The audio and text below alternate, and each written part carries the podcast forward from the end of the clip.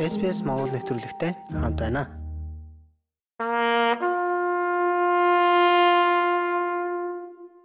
Ансаки өдөр гэж юу вэ? Та хэрхэн оролцож болох вэ?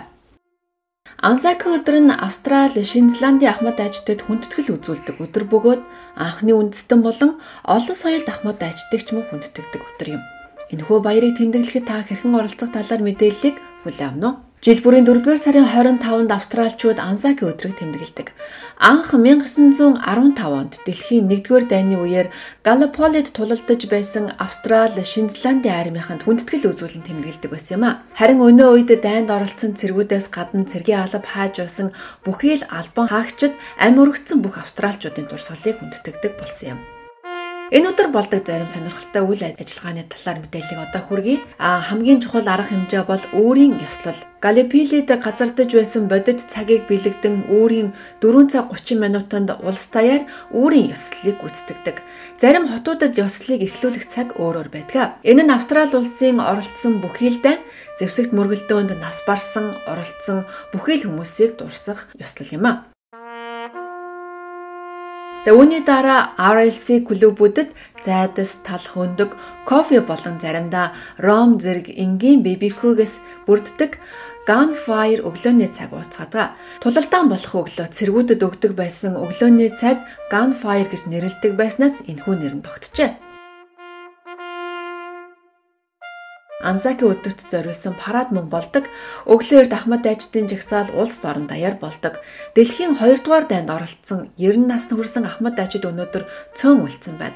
Мөн Солонгос, Вьетнамын гэх мэт дараагийн мөргөлдөөнүүд оролцсон Ахмад дайчид Сомал, Афганистан болон Ирак зэрэг сүүлийн үеийн мөргөлдөөнд оролцож байсан Австралийн цэргүүд далаачид нис хүчний олон Ахмад дайчид инх мэнд байна гэж Австралийн дайны дурсгалын үндэсний газрын дэд захирал Брайан Давсон ярьсан юм. Мөн Австральд ирж дайнд оролцсон хүмүүс хөлийн чанадтаж олон байдаг гэлээ. Тэгвэл хаана очиж энэ өдрийг тэмдэглэж болох вэ? Австралийн томоохон хот бүр өөрийн ёслол болон Ансагийн өдөрт зориулсан парадыг хийдгээ.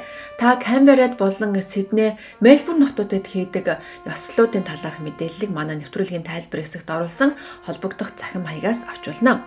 Өөрийн ёслолд өглөөний цай жагсаалыг RSL Австраlia зохион байгуулдаг тул таны амьдардаг орон нутагт юу болж байгааг мэдхийг хүсвэл та дээрх вебсайтуудаар ороход хангалттай мэдээллийг авна. Ахмад ажид болон тэдний гэр бүл ихэвчлэн тэнд өдрийг өнгөрөөдөг. Тэд зөвхөн энэ өдөр л хууль ёсны дагуу тоглох боломжтой бооцоо тоглоомыг тоглодог. Энэ нь зоос сэдэж, толгой эсвэл сүл дээр буух талаар бооцоо тавьдаг энгийн тоглоом юм байна. Анзаки өдрийн бэлэг тэмдгүүд. Анзаки өдөртэй холбоотой хэд хэдэн бэлэг тэмдэг байдаг. Хүмүүс энэ өдөр Галиполийн хоог дээр ургадаг розмарин үсийг зүүдэг. Харин та бидний мэддэг жижиг улаан өнгийн цэцэг бол дэлхийн 1-р дайны дараа дайны талбарт цэцгэлсэн Европын уугуул цэцэг юм байна. Энэ нь амиалтсан Австралийн цэргүүдийн дурсгалын бэлэг тэмдэг болсон юм а. The Oath of Remembrance буюу дурсамжийн шүлэг энэ өдрийн бас нэгэн бэлэгдэл болдог. Энэ бол дайны үеийн гар цохирлыг үрд санан дурсах зорилгоор Ансаки өдрийн ёслол дээр уншдаг шүлэг юм. SBS Австралийн дайны дурсгалын газартай хамтран энэхүү шүлгийг 45 хэлээр орчуулсан байдгийг та мөн манай нэвтрүүлгийн тайлбар хэсэгт оруулсан линкээр орж үзээрэй.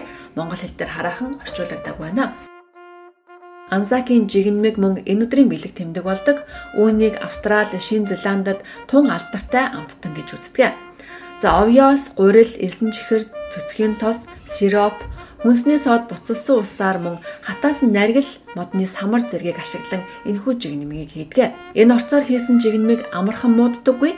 Тэнгисийн цэргийн тээвэрлэлтэнд сайн хадгалагддаг учраас эхнэр болон эмэгтэйчүүд эр нөхөртөө зориулан холоос илгээдэг байсан учраас ийхүү бэлэгдэл болон үлджээ. Ансаки өдрийн талаар илүүхийг мэдвийг мэдхийг хүсвэл та Австралийн дайны дурсгалын вебсайтад зочлоорой. Тэнд Ансаки өдөр болон Австралийн цэргийн түүхийн талаар дэлгэрэнгүй мэдээллүүд байдаг. Мөн та Камбера хотод бичлэн очивол олон хөшөө дурсгал музейг үзэх боломжтой. Ихэнх хотуудад мөн сэргийн музей байдаг.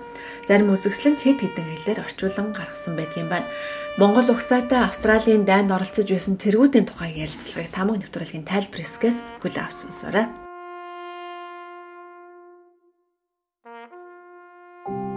SPS Монгол нэвтрүүлэгтэй хамт байна.